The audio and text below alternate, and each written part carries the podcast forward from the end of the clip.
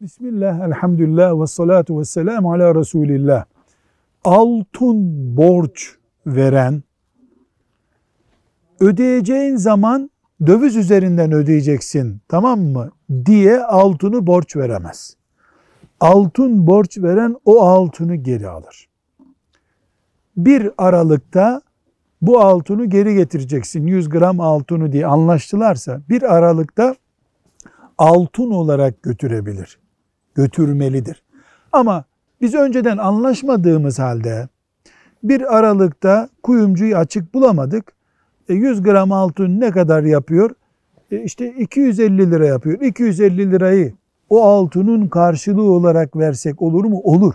Ama altın verirken o gün döviz kaç paraysa öyle ödeyeceksin diye bir anlaşma yapılamaz. Tersi de böyle.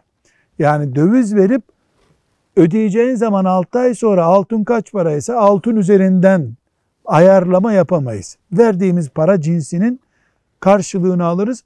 O gün o karşılık şu kadar altın ediyor diye önceden konuşmadığımız e, ortamda işte 50 gram altın yapıyor 50 gram getir de olabilir.